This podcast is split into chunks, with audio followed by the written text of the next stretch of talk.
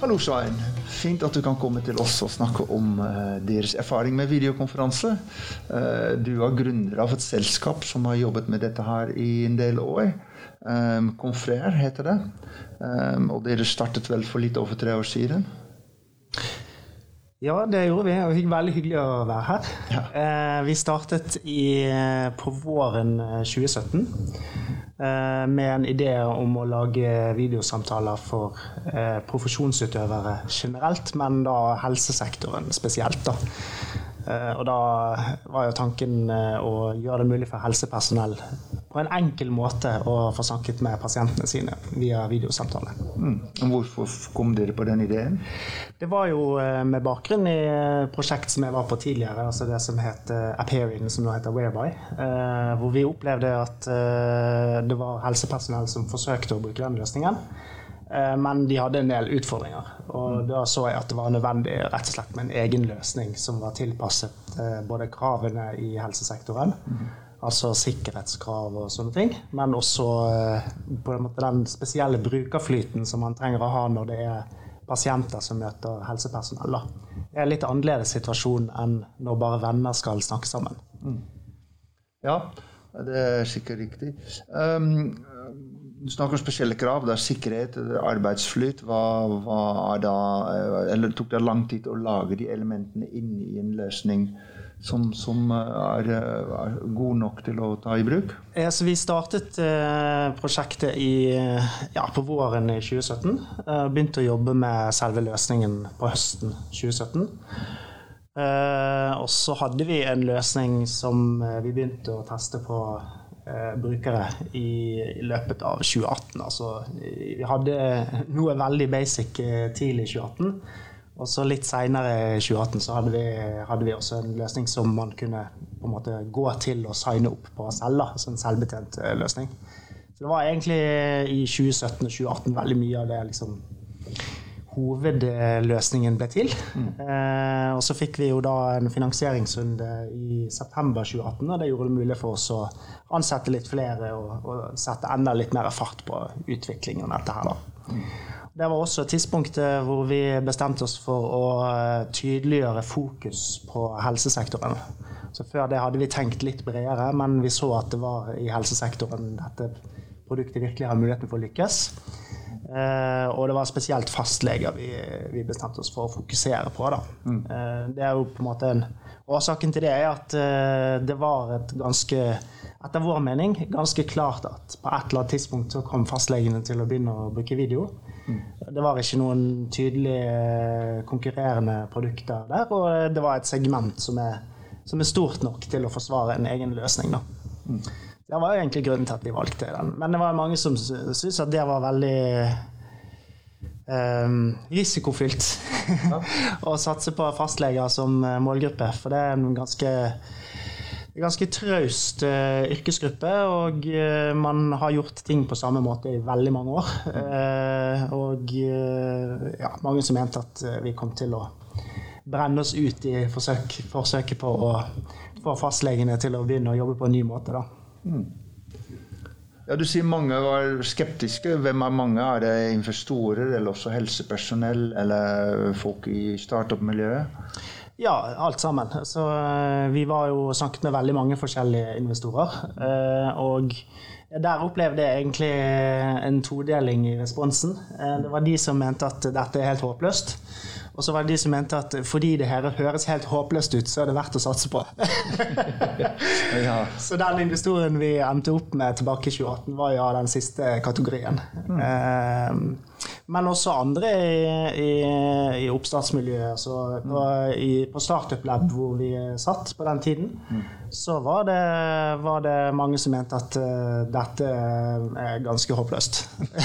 det er ganske utrolig å tenke på når vi er midt i denne covid-19-tiden, hvor alle på en måte syns at dette er en helt opplagt mulighet mm. uh, som vi må bruke. At, at det bare for et par år siden var såpass vanskelig å få dette her til. Ja. Um, bare for å avklare dere, for det er jo flere uh, som jobber med, med, videokonsultasjon, men dere har ikke ansatt leger som snakker med, med pasienter eller innbyggere, men dere har bare den tekniske løsningen som dere da, eh, Ja. er, er fastleger eh, Ja, vår, eh, filosofi har vært at vi ikke skal Vi skal prøve å gjøre det mulig for det etablerte helsevesenet å bruke videosamtaler til å snakke med pasientene sine. Så vi prøver ikke å lage ny helsetjeneste. Vi prøver å få den etablerte helsetjenesten til å begynne å bruke videosamtaler i sin virksomhet, og da spesielt primærhelsetjenesten, som i Norge er fastlegene. da. Eh, og det er jo antageligvis eh, Eller i hvert fall sånn som det så ut i 2018, så var det da mye, så det mye vanskeligere ut enn å etablere en, en ny helsetjeneste som var heldigital. Men eh, vi tenkte at eh, du får ikke ordentlig impact her før du faktisk får den etablerte helsetjenesten til å ta i bruk videosamtaler. Så der, der var vi ganske tydelige. Og jeg tror det er enten-eller. Du kan ikke gjøre begge deler. Eh, du, må, du må velge mellom å liksom sette opp en ny helsetjeneste med dine egne leger, eller om du skal prøve å lage et verktøy for den etablerte helsetjenesten. Skjønner. Så på et eller annet tidspunkt har man den, den første fastlegen som tar dette her i bruk. Når var det, og hvem var det? Ja, det var faktisk eh, ganske tidlig. Det var eh, en som het Kambis eh, Persley. Okay. En fastlege som sitter i jeg tror er Hegdehaugsveien i Oslo. Ok. Eh, Så ikke så langt unna herfra, faktisk. Nei, det er det ja. Han var den første fastlegen, og det var egentlig ikke vanskelig å få de første fastlegene til å komme i gang. For det finnes jo alltid noen som er veldig innovative og ønsker å teste nye ting. Så, eh, så det opplevde vi som eh, ganske greit, og det skjedde allerede våren 2018. Eh, Det som vi vel opplevde som tyngre, var jo liksom å ta det neste steget og gå fra noen få brukere til et ikke, ikke ubetydelig antall brukere. La oss si gå fra 10 til 100, da. Eh, For da var det ikke lenger sånn at de at vi fant noen som, var, som virkelig hadde lyst til å teste dette. Da fant vi ut at for å få til det, så er vi faktisk nødt til å gå ut på legekontorene og snakke med legene og, eh, og rett og slett selge inn dette her, da. Og da skjønte vi ganske fort at det vi skulle selge, var ikke et produkt eller oss selv. Eh, Vi skulle selge konseptet og ha videosamtale. For det var eh, mye skepsis eh, ute på legekontorene. Hva slags reaksjoner fikk dere? Nei, det, det er jo som sagt det er en bransje som har drevet på samme måte i mange år. Eh, og eh, en veldig tydelig skepsis til å ikke ha pasienten på kontoret. Eh, fordi da får man ikke gjort fysiske undersøkelser. Det er en forståelig skepsis. Og så er det veldig mange spørsmål omkring praktiske ting, som faktisk hvordan funker det, hva trenger jeg på datamaskinen min? Eh, Vil det fungere på min kommunale datamaskin som er, som hvor du logger inn på en Citrix-server osv.? Eh, hvordan organiserer man dette? her? Er det avtalte konsultasjoner? Er det, mm, er det drop-in? Og ikke minst, får jeg betalt for dette? her? Fins det refusjon for eh, videosamtaler? Ja. Så alle disse tingene var jo på en måte ting som vi, du, før, før man får en lege til å begynne med videokonsultasjoner, så må alle de tingene være avklart. Det må ikke være noen spørsmål igjen. Så det vi jo lærte oss gjennom å være på legekontoret og snakke med legene, var jo både hvilke spørsmål får man, hvilke ting er det man må kunne svare på. Og vi lærte oss også at eh, hvis vi virkelig vil få det i gang, så må vi faktisk ha med oss kamera og headset ut på kontoret. Og så må vi faktisk eh, hjelpe de å koble det til. Vi må faktisk bøye oss ned og blåse støvet ut av USB-porten på den stasjonære datamaskinen deres. Plugge det til, sånn at de kan, eh, kan eh, komme i gang. Og så må vi, må vi ta testsamtaler med de. Sånn at de er trygge på at eh, når de inviterer en pasient til videosamtale, så kommer det til å funke. ja. Så det, det satte vi Alt dette fant vi ut i løpet av høsten eh, 2018. Ja. Eh, og eh, i løpet av 2019 så, eh, så på en måte industrialiserte det vi litt i den forstand at vi fant måten å invitere oss sjøl på legekontorene. Ja. Det viser seg at eh, det man er vant til på legekontoret, er at eh, det kommer representanter for industrien i løpet av lunsjen. Gjerne ha med lunsj. og presenterer. Og da, når vi kommer der, så har vi da en, en halvtime maks. da. Og forteller om alle disse tingene og avklarer, og avklarer alle spørsmålene. ja. Så det, i løpet av våren 2019 så begynte vi egentlig å reise land og strand rundt og besøke legekontor i hele Norge. Og det er vi fortsatt med helt frem til eh, februar i år. Ja, Og hvor mange legekontor snakker vi om dere greide å besøke i løpet av den tiden? Sånn cirka? Ja, det er vel eh, det er flere hundre. Okay. Så det er jo det er ca. 1500 legekontor i Norge. Ja. Og den største bøygen er jo å få lov å komme inn. Altså ja vi, og måten det fungerer på, er jo rett og slett å ringe rundt. Ja. Så vi hadde ansatt en person som hadde som jobb mm. å ringe til legekontor og spørre om vi kunne komme på møte og fortelle om videosamtaler. Så det er helt opplagt at i 2019 i Norge, en av de mest digitaliserte landene i verden, det fortsatt var vanskelig å få oppmerksomhet rundt videokonferanse for Definitivt. definitivt. Og det, den ringejobben, eh, den, der var det jo eh, Det var faktisk bare ca. 10% av de vi ringte til, som overhodet var interessert i ja. videosamtaler. Jeg har gjort dette selv også. Ringt rundt. Og jeg har, jeg har noen jeg har noen opplevelser av det som er litt sånn Der jeg har stilt meg sjøl spørsmålet hvorfor driver jeg egentlig med dette her? Og det var jo da eh, spesielt Jeg kommer jo fra Bergen. Mm. Eh, og eh, for meg, så når jeg da satt meg ned og ringte til alle legekontorene i Bergen. Og ble avvist av nesten alle ja. så føles det litt, uh, litt, kjipt. litt, kjipt. Og spesielt når jeg hører sånn Jeg hører sekretæren spør Videosamtaler, er det noe vi skal drive med? Så hører jeg bare i bakgrunnen Videokonsultasjoner! Det kommer vi aldri til å begynne med! Og så Så det bare sånn Nei! Hvorfor driver jeg med dette her? så bra. Nei, men det er godt. Det, er bare, det hadde vært fint det, å ta den runden nå igjen og snakke med den en gang til. Ja, det, så det er faktisk under et år siden jeg hadde den opplevelsen. Det var da ja. i august 2019. Eh, det er helt utrolig. Det er helt utrolig. Hvor mange fastleger hadde dere på video i februar 2020?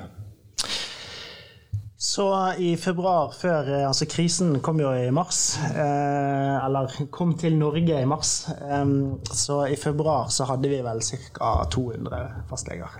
Av hvor mange er det i Norge? 4750. 4750. Ja. Så under 5% av fastlegene? Ja, ca. 5 mm. Er det noen andre som tilbyr samme type tjenester til fastleger?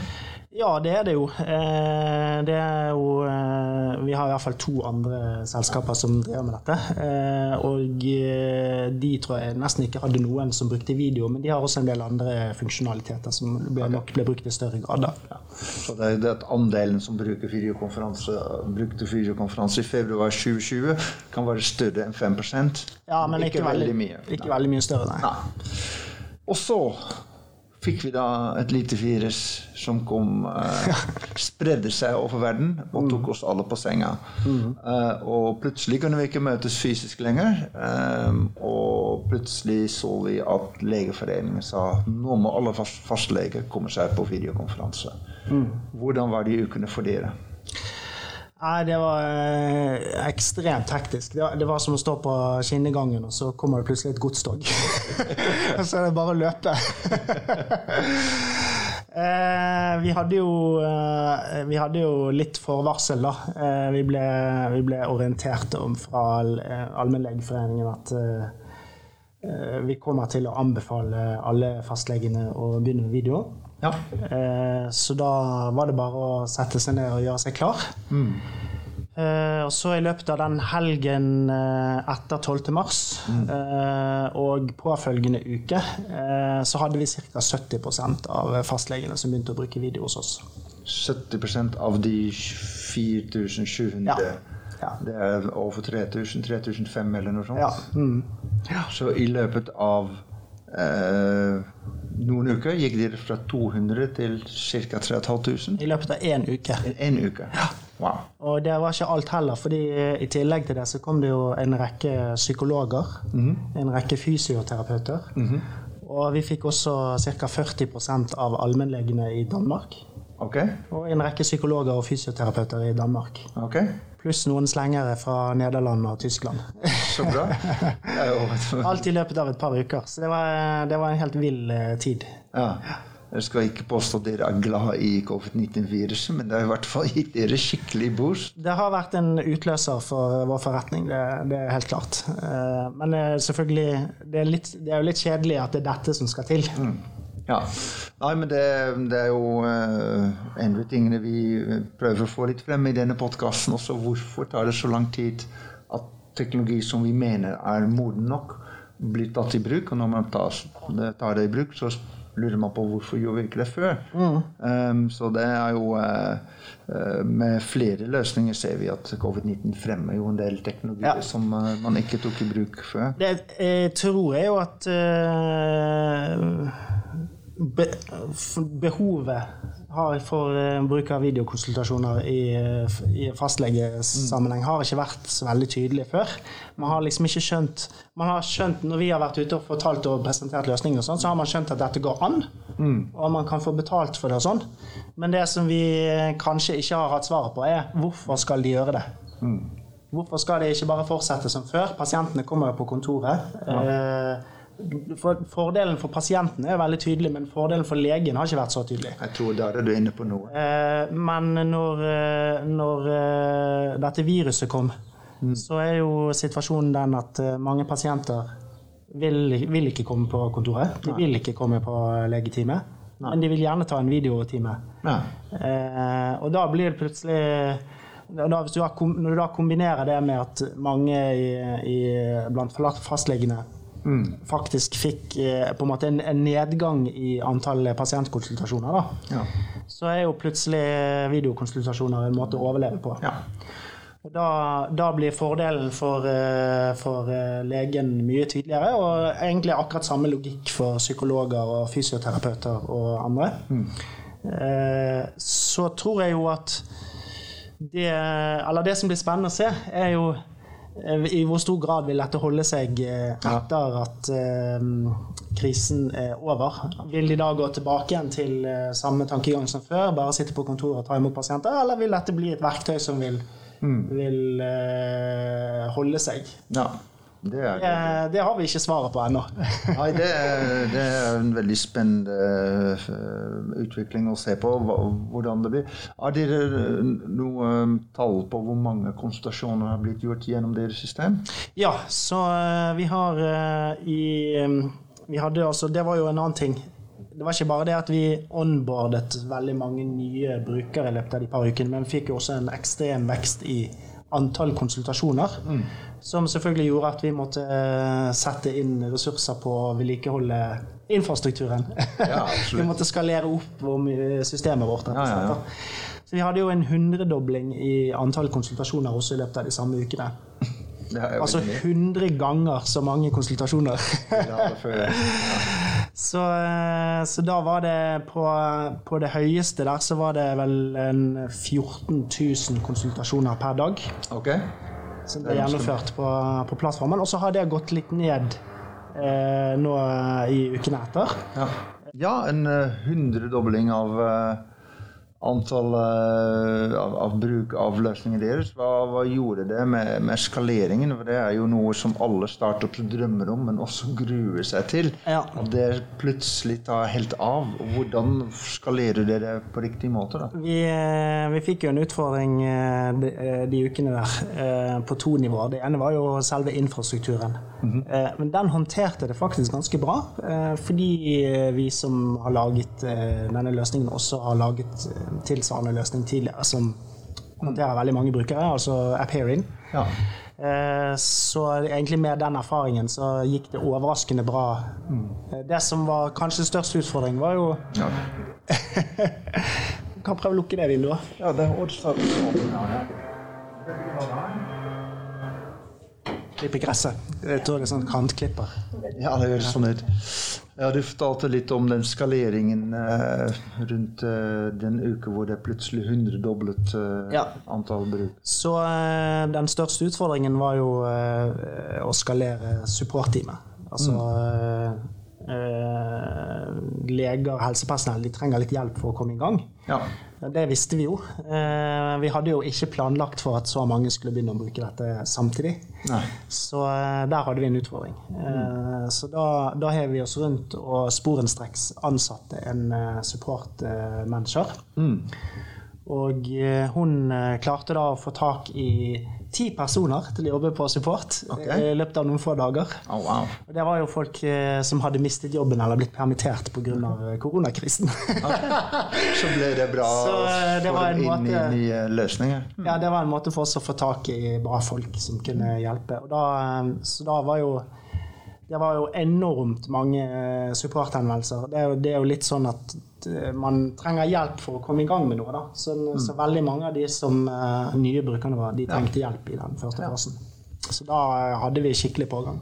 Ja, ja, det var noe vi alle kjenner, at man, når man bruker et nytt verktøy, at da finner ikke helt den ene knappen man skal trykke på. ja.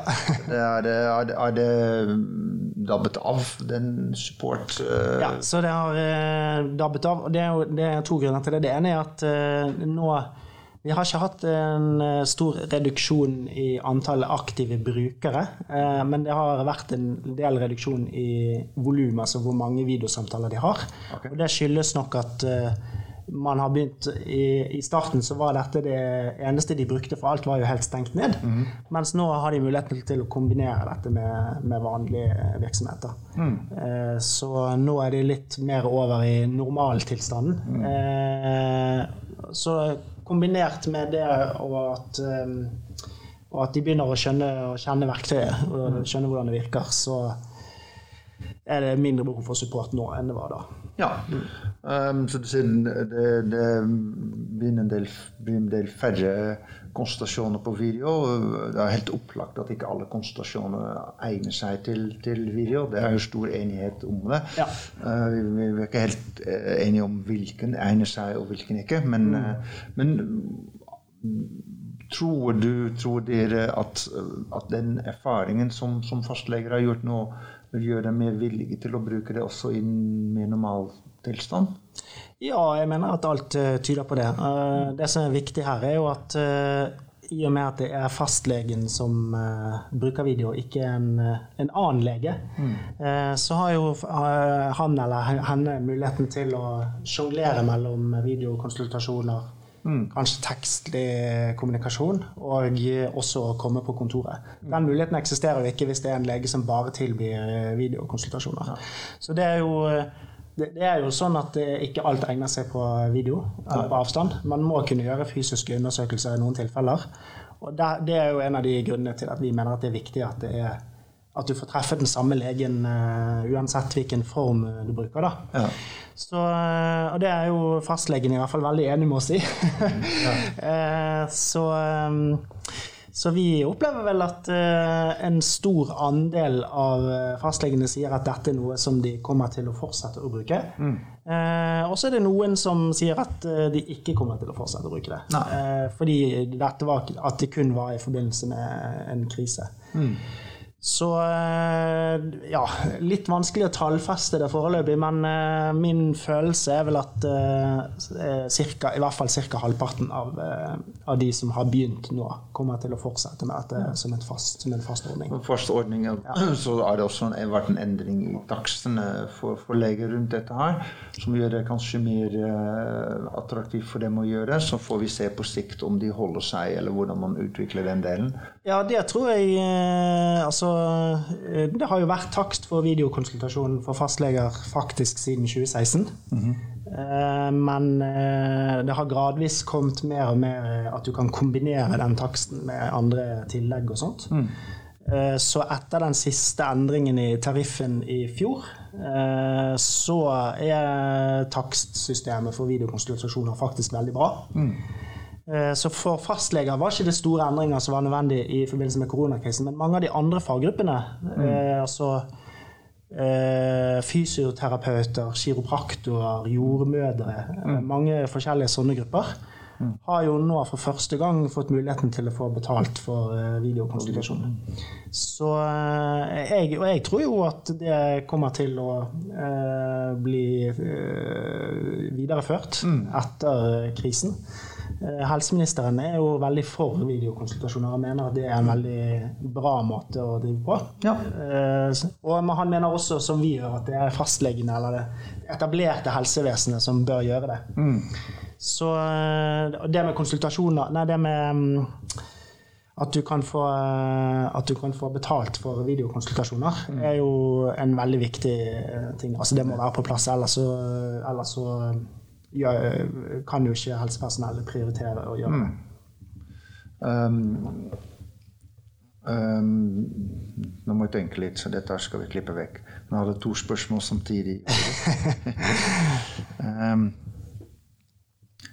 har dere noe som helst uh, mulighet å, å, gjøre noe forskning på hva slags konsultasjoner dette her er, og hvor lang tid de tar, og sånne type ting? Eller er dette her helt opp til lege og uh, skjermet vekk fra all slags uh, annen forskning rundt bruk av videokonsultasjon? Eh, altså Vi er opptatt av at vi ikke skal ha innsyn i helseopplysninger. Eh, så vi tar ikke imot eller Altså pasienten skriver ikke inn noen ting om diagnose eller noe sånt i vår løsning. Eh, så der vi, har vi ikke noen mulighet for å uh, hente ut statistikk. Men vi har sett på uh, lengde på konsultasjon. Mm. Og ikke nå etter koronakrisen, men i fjor så vi, tok vi en titt på det, og da viste det seg at gjennomsnittslengden for konsultasjoner hos fastlege er 5 15 minutt. Mm. Mens gjennomsnittslengden for en fysisk konsultasjon på kontoret er kanskje en 12-13 minutter. Okay. Eh, så eh, de er kortere. Eh, og det kan nok handle om flere ting. Dels kan det nok være at det er enklere problemstillinger som tas på video. Men jeg tror ikke det er hele bildet. Jeg tror også det er en del Det er litt andre konvensjoner, sosiale konvensjoner i en videosamtale mm. enn eh, når du kommer på legekontoret. Mm. Eh, så eh, det er på en måte en del utenomsnakk som, ja. som faller bort, da. Som gjør at dette kan man gjøre litt raskere. Mm. Og så er det jo så i, i prinsippet så man, kan man effektivisere virksomheten sin på den måten. Eh, men det, da kommer det jo an på hvordan man organiserer det. For hvis man da har satt av 20 minutter per, mm. per konsultasjon, så får man jo ikke noen gevinst likevel. Nei. Eh, så da må man på en måte organisere det, sånn at, eh, sånn at det blir At man får effektivisert for F.eks. bare sette av 10 minutter istedenfor 20 minutter. Mm. Eller rett og slett prøve å ta de på løpende bånd. Har man på videokonferanse et venterom? Som man har på, på, fysisk legekontor? Ja, det er noe man må ha i en løsning for, eh, for helsesektoren, så det har vi. Eh, så da er det sånn at du inviterer pasienten til venterommet, på en måte, og så får du beskjed når pasienten kommer inn i venterommet, og så kan du ta vedkommende inn til konsultasjon. Mm. Eh, og invitasjonen sendes typisk bare på SMS, så pasienten bare trykker på linken for å komme inn. Okay.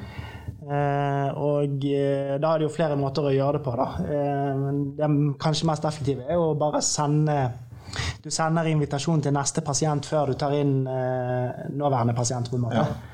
Da vil neste pasient stå klar når du er ferdig med nåværende ja. pasient. Ja. Så det er jo det vi har, vi har anbefalt. Da. da. Da blir det veldig effektivt hvis man gjør det på den måten. Er fastlegene, blir, blir, dette her lagret, eller er den videokonsultasjonen borte når den er gjennomført? Vi lagrer ikke Vi har ikke noen funksjon for å lagre Nei. videokonsultasjon. Vi eh, har heller ikke muligheten til det, fordi eh, selve samtalen er ende-til-ende kryptert. Så det er ikke mulig for oss å, å få se inn i den. Nei, og Heller ikke fastlegen kan ha det inn i sin pasientjournal eller noe sånt? Nei, altså Man kunne se for seg at um, man hadde mulighet for å gjøre opptak uh, på fastlegens maskin, og så lagre det i pasientjournal. Eh, når vi bestemmer oss for vi, hvilke funksjoner vi skal implementere i produktet, så styrer vi det ut fra hva brukerne ønsker. Og dette har ikke vært et ønske. nei, nei, nei. Det er teknisk mulig, men ikke, man gjør ikke det nå. Ja. Så de som bruker videokonsultasjon som, som innbyggere, pasienter, de er sikre på at det ikke er lagret, og at andre kan få tilgang til det. Ja, Så det, de gjennomføres på samme måte som en vanlig konsultasjon. Ja. Mm. Det som skjer i samtalen, skjer der og da, og så skriver legen journalnotat etterpå. Ja. Okay. Um, hva opplever dere av de typiske fordelene med videokonsultasjon? Både for, eh, for eh, fastleger og, og, innbyggerne? Så det er jo eh, på litt forskjellige plan, da, men eh, den store fordelen er jo effektivitet. eh, for innbygger at de slipper å reise til legekontoret. Mm. det kan være lang reisevei. I spesialisthelsetjenesten er det jo ofte lang reisevei. Mm -hmm. Eh, for legen så er det rett og slett mer effektivt enn å se alle pasientene på kontoret sitt. Mm. Det tar kortere tid, rett og slett. Eh, smittevern er jo en annen fordel. Helt opplagt i denne tiden. Så det er jo, det er jo den opplagte fordelen. Og det, det er jo på flere plan. En ting er at legen slipper å få potensielt smittefarlige pasienter på kontoret. Mm.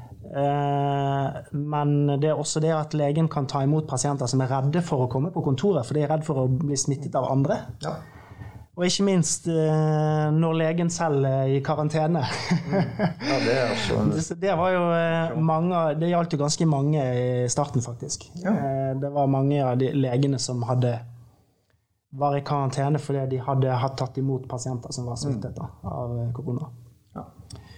Så det er også en uh, stor fordel. Mm. Men jeg tror når vi kommer tilbake til uh, normalsituasjonen, så er det effektivitet uh, som kommer til å være hovedgrunnen til å gjøre dette. og videosamtale blir et verktøy for legen, på samme måte som telefon alltid har vært et verktøy. Mm. det er ingen grunn til å ikke bruke videosamtale istedenfor telefon. Nei. Nei, det er særlig oppfølgingskorte uh, beskjeder og sånne ting. Er det lett å, ja. å bruke det også? Mm. Ja. Så uh, er det da mulig å få en dialog og avklaringer uh, på en annen måte enn hva du får hvis du bare skal sende en melding til pasienten, f.eks. I, I, februar 2020, hva var deres opplevelse av, av de typiske hindringene for å innføre videokonferanse? Hva, hva, opplevde dere var motstanden mot dette her? Um, jeg tror at uh, det er uh, det, var, det, opplevdes litt annerledes enn det som jeg faktisk tror var uh, grunnen. Men det, det, som jeg faktisk tror var grunnen, er at de hadde ikke noen god grunn til å gjøre det. Nei. Eh, og eh, hvis de først prøvde det, så ville de gjerne fortsette. Men de hadde ikke noen god grunn til å prøve det første gang. Nei. Det er den grunnen de har fått nå i forbindelse med koronakrisen. Mm. Men hvis jeg skal, hvis jeg skal um, si hva det var Hvilke innvendinger de hadde selv, mm. eh, så var det en innvending som vi hørte veldig mye om, var at uh, det eksisterer ikke evidens for bruk av videosamtaler i helsesammenheng. Nei, helt opplagt når du ikke bruker det. Er det vanskelig å få evidens? Det er jo forståelig fra det perspektivet at som lege så er man opplært til at mm. alt skal være Eh, basert på Altså være evidensbasert. Ja. Man skal ikke gjøre noe som ikke har evidens. Eh, I teknologiverden så er det jo eh, ikke sånn. ja, det er omvendt. Man får ikke innført teknologi før det er Man må jo prøve og feile med Nettopp. teknologi. Så, så, det var vanskelig å fremskaffe den evidensen for oss, da. Men, men det vi pleide å si da, var jo at det finnes heller ikke evidens for bruk av telefon. Nei. Likevel så bruker alle leger telefon hver eneste dag. Ja, det er sant det. så, eh, så jeg tror jo at eh, det i og med at det er så mange som har begynt å bruke det nå, så får man på en måte etablert uh, hva dette verktøyet brukes til. Uh, og så vil man også få forskning som gir den evidensen som trengs. Mm. Ja, det er, ehm, det er en av de utfordringene med ny teknologi. At man på en måte må anta at det blir bedre med å bruke den teknologien. Og man må ha mye mer følgeforskning underveis. For vi kan ikke teste ting ferdig, for en teknologiutvikling går så fort. At da får vi ikke sjanser egentlig til å ta i bruk eh, god teknologi. Ja, men som sagt så tror jeg Jeg tror ikke at eh, jeg, jeg opplever dette mer som en eh, hva skal man si, en unnskyldning for å ikke gjøre det. Eh, jeg tror at den reelle grunnen var at eh, det var ikke noen De hadde ikke noen, eh, noe, et akutt behov eller et behov eh, for å gjøre dette. Så det, jeg tror det er den reelle grunnen. Og det behovet oppsto i forbindelse med koronakrisen. Ja. Da er det mange som får prøvd ut dette her, og som da ser at ja, dette kan fungere også utenfor en, eh, Ja, en smittevernsetting. Du sier jo at dere også har, eh, har deres løsning i Danmark, og du nevnte Nederland og Tyskland som, som land hvor dere har noe virksomhet. Hvordan opplever det, hvis du sammenligner Norge med andre land, hvor, hvor langt har vi kommet? Er det, er det en lik utvikling, eller har vi kommet lenger, eller henger vi etter? Eh, vi vet ikke helt sikkert, eh, for det er vanskelig å finne statistikk for bruk av videosamtaler i forbindelse med koronakrisen i andre land. Men min følelse er at det er ikke noen andre land hvor legene har tatt i bruk eh, videosamtaler i så stor grad eh, som i Norge. Eh, vi, det vet vi, fra Sverige så vet vi det helt sikkert. Der er det veldig lite bruk av videosamtaler foreløpig. Ja. Eh, Lov å gå til eh, legen, akkurat som de fikk lov å gå til pop-up. Ja, så det er nok en grunn at de, samfunnet ikke har vært like stengt i Sverige. Men det er også eh, Etter min mening så har Sverige havnet litt på feil spor. Eh, De har eh, der har det vært såpass De aktørene som, har, som ansetter sine egne leger og etablerer en egen helsetjeneste via video, har vært såpass sterke i Sverige at, eh, at eh, det har ført til at den tradisjonelle helsetjenesten har blitt liksom motstander av video. da. Okay. Ja, det er jo helt feil. Eh, mens eh, i Så det vi gjør nå, er jo eh, at vi ser at vi, nå skal vi etablere oss i nye markeder. Mm. og eh, vi har veldig tro på, på Europa. Mm. så vi tror at både i Frankrike, i Tyskland, Nederland Eh, egentlig alle land i Vest-Europa så er man ganske moden for dette her. Ja. Uten å egentlig kommet i gang. Selv om det eksisterer eh, aktører som tilbyr løsninger Ja. i alle disse landene, så er det, virker det ikke som eh, fastlegene har begynt. Eh, Når jeg sier fastleger, så er det det systemet vi har i Norge med fastleger, det fins i ulike varianter i de fleste av disse landene. Eh, det er bare små variasjoner, egentlig. Så jeg tror at det, det er et interessant marked som ligger og venter på oss. Ja, det er spennende å se om man kan få norsk produkt ut i verden.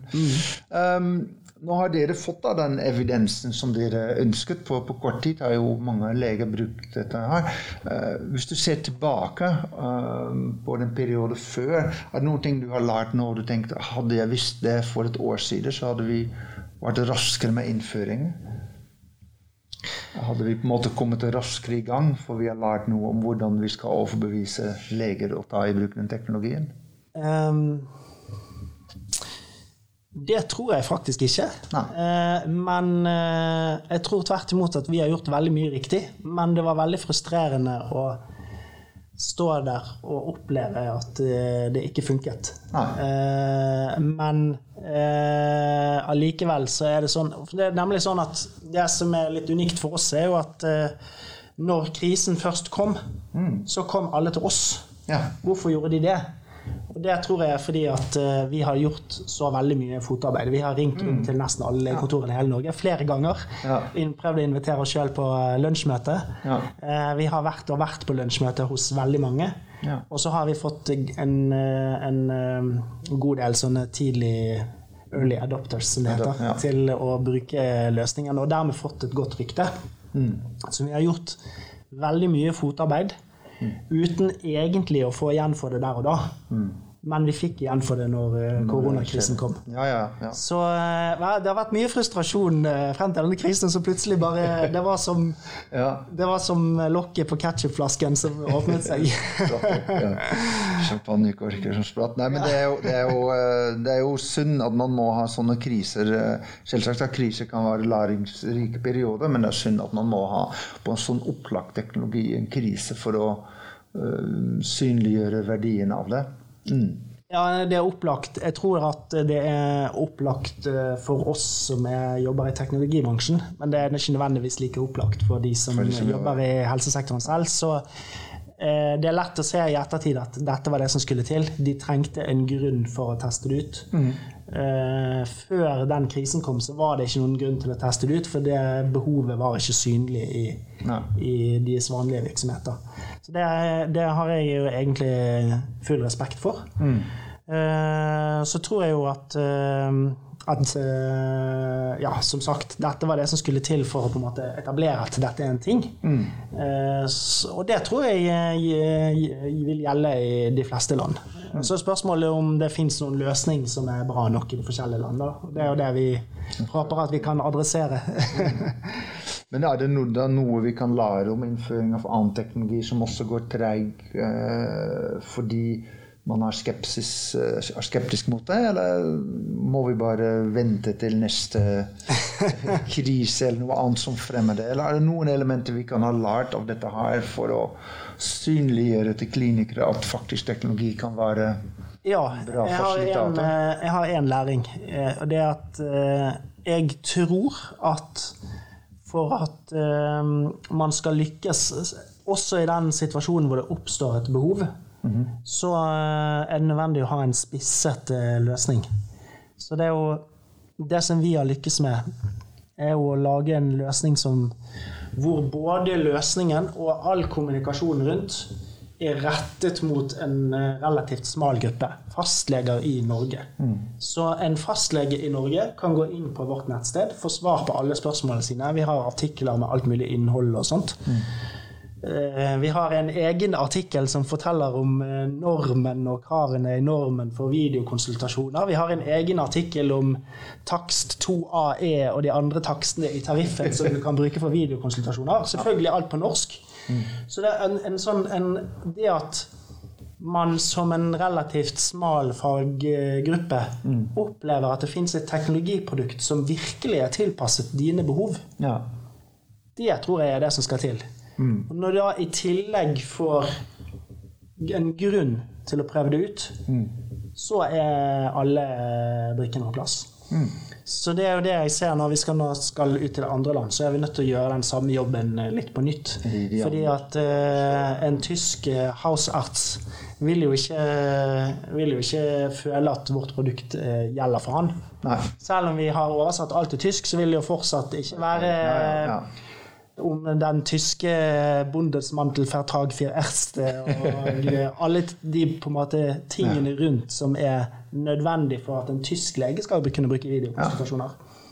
Så eh, det har en vært Dette har jeg jo på en måte visst også fra før. at I teorien så når du lager et produkt, eh, så må du virkelig tilpasse det en, eh, en faggruppe. bruker, ja. Men for meg så har det vært en aha-opplevelse å se det i praksis. Ja. Se hvordan det at vi klarte å lage et produkt som var så veltilpasset den smale gruppen, Ja. førte til at uh, vi fikk nesten alle i den gruppen som bruker det. Ja, og det var kanskje også et godt budskap til mange gründere og startups som på en måte er så overbevist om sin egen eh, fortreffelighet og sikkert også har veldig gode ideer, men at hvis ikke du greier å tolke det til dine brukere på en riktig måte, og innse at de kanskje ikke helt er moden for å ta i bruk uh, ditt produkt, da vil du slite å selge det.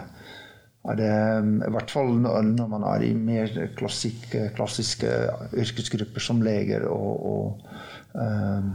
Ja, jeg tror at det er en eh, vanlig feil eh, hos eh, teknologistartups. Og særlig for de som teknolog, så er det så lett å tenke at uh, dette er så generelt. Det kan brukes på veldig for mange forskjellige måter. Ja. Og eh, det er opp til brukerne hvordan de vil bruke det.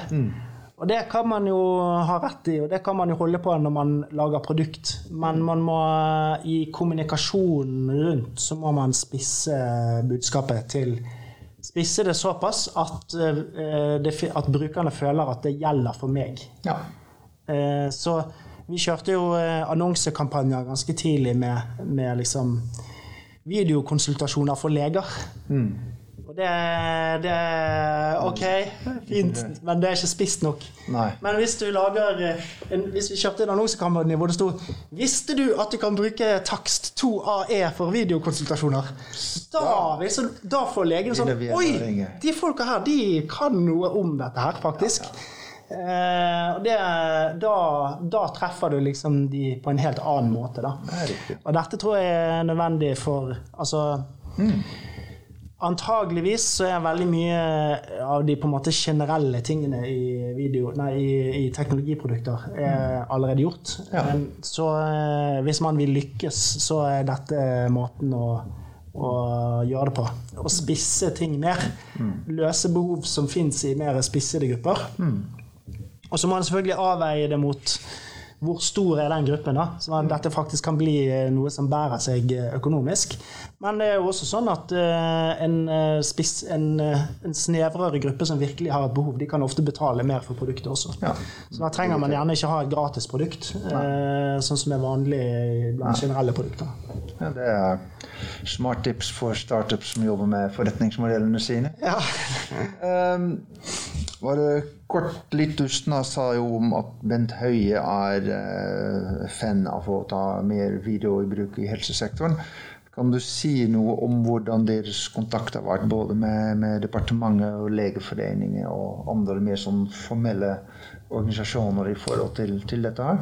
Ja, eh, så vi, når vi begynte å jobbe mer spisset mot eh, fastlegesektoren i 2018, eh, så satte vi også i gang et eh, kontaktarbeid både mot Legeforeningen, og da spesielt Allmennlegeforeningen. Eh, og eh, eh, Helsedirektoratet, Direktorat for e-helse, eh, og eh, og vi var også presentert oss hos eh, Helse- og omsorgsdepartementet. Ja. Eh, og vi deltok egentlig på flest mulig arenaer hvor, eh, hvor dette var relevant.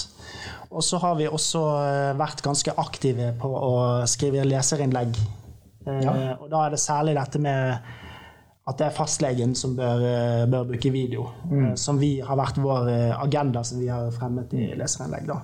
Eh, Det har ført til at eh, i, hos alle disse aktørene så har man vært veldig oppmerksom på oss og vært oppmerksom på vår posisjon. Og eh, det har gitt oss eh, mye positivt. Mm, ja, det er jo fint. Det er jo kanskje også litt eh, eh, morsomt å fastslå at selv om man har et departement og flere direktorater og store foreninger, at det til slutt er en liten startup fra, fra norsk jord som da har tilrettelagt at vi kunne takle den eh, covid-19-krisen på en mye bedre måte enn alle de store kompetansesentra har gjort Ja, før. ja, det er sant. Eh, Men eh, jeg vil jo også si at vi har fått veldig mye støtte fra, fra disse aktørene. Eh, Så f.eks. Direktoratet for e-helse. Har jo, det har vært veldig positivt å, eh, i møte med de. Eh, Vi har snakket om integrasjon i, på helsenorge.no. Ja. Og vi har fått mye drahjelp eh, i forhold til andre aktører i sektoren derfra. Eh, og når det gjelder Helsedirektoratet og, og sånn, så er det jo særlig det å se på liksom eh, eh, faget eh, og bruk av video i faget. Eh, og det samme gjelder for så vidt eh, allmennlege eller eh, Legeforeningen. da. Så, så ja. man kan, man kan spørre hvorfor det ikke har skjedd før. Det har jo vært forsket på telemedisin eh, mange, mange år. i mange år. Jeg tror at det handler om eh, kombinasjonen av generelle teknologistrømninger i befolkningen, og eh, om det fins et verktøy som er enkelt nok til at eh, fastlegene kan bruke det. Eh, og det er egentlig bare det siste vi har adressert. Og så er det jo det med den generelle teknologistrømmen er jo bare timing. Eh, så ja, jeg tror det er nødvendig at en eh, det, er noen, det er nødvendig at noen fokuserer bare på det. Og det, er egentlig litt det samme som det jeg var inne på med liksom at du må spisse produktet. Mm. eh, eh, verken E-helsedirektoratet eller Helsedirektoratet kommer jo til å fokusere ressursene sine på spisset på videokonsultasjoner. Ja. Jeg tror det var nødvendig at vi gjorde det for å få dette til å skje. Ja. Men jeg skal jo ikke jeg, jeg tror ikke det er riktig at vi skal ta æren for at dette skjer. Jeg tror det kanskje det hadde skjedd uansett. Ja, det tror jeg også. Men likevel er det jo viktig å kunne fastslå at det er, at det er viktig med en, en element, eh, komponent i helsesektoren som kommer fra næringslivet, fra startup, som på en måte ser mulighetene og jobber med det mot strømmen, og er da tilgjengelig da vi trenger det. Ja, definitivt. Jeg tror det er nødvendig med en sånn en driving force. da. Mm. Det kommer ikke disse andre aktørene til å være. Altså, vi har vært drivkraften for videokonsultasjoner, i, spesielt eh, hos fastleger. Mm. Det, så, så det er ikke sikkert, Hvis ikke vi hadde gjort alt det fotarbeidet ut mot alle fastlegene, så er ikke det sikkert at uh, video hos uh, fastlege hadde blitt en ting nå i forbindelse med den krisen. Kan være at alle hadde sittet og brukt telefonen istedenfor. Men uh, det kan, jeg tror likevel at det hadde skjedd før eller siden. da. Det skal vi jo håpe at det er riktig, og da takker vi deg, Svein Ingvar Wilhelmsen, for denne samtalen. Um, ja, da er vi ferdige.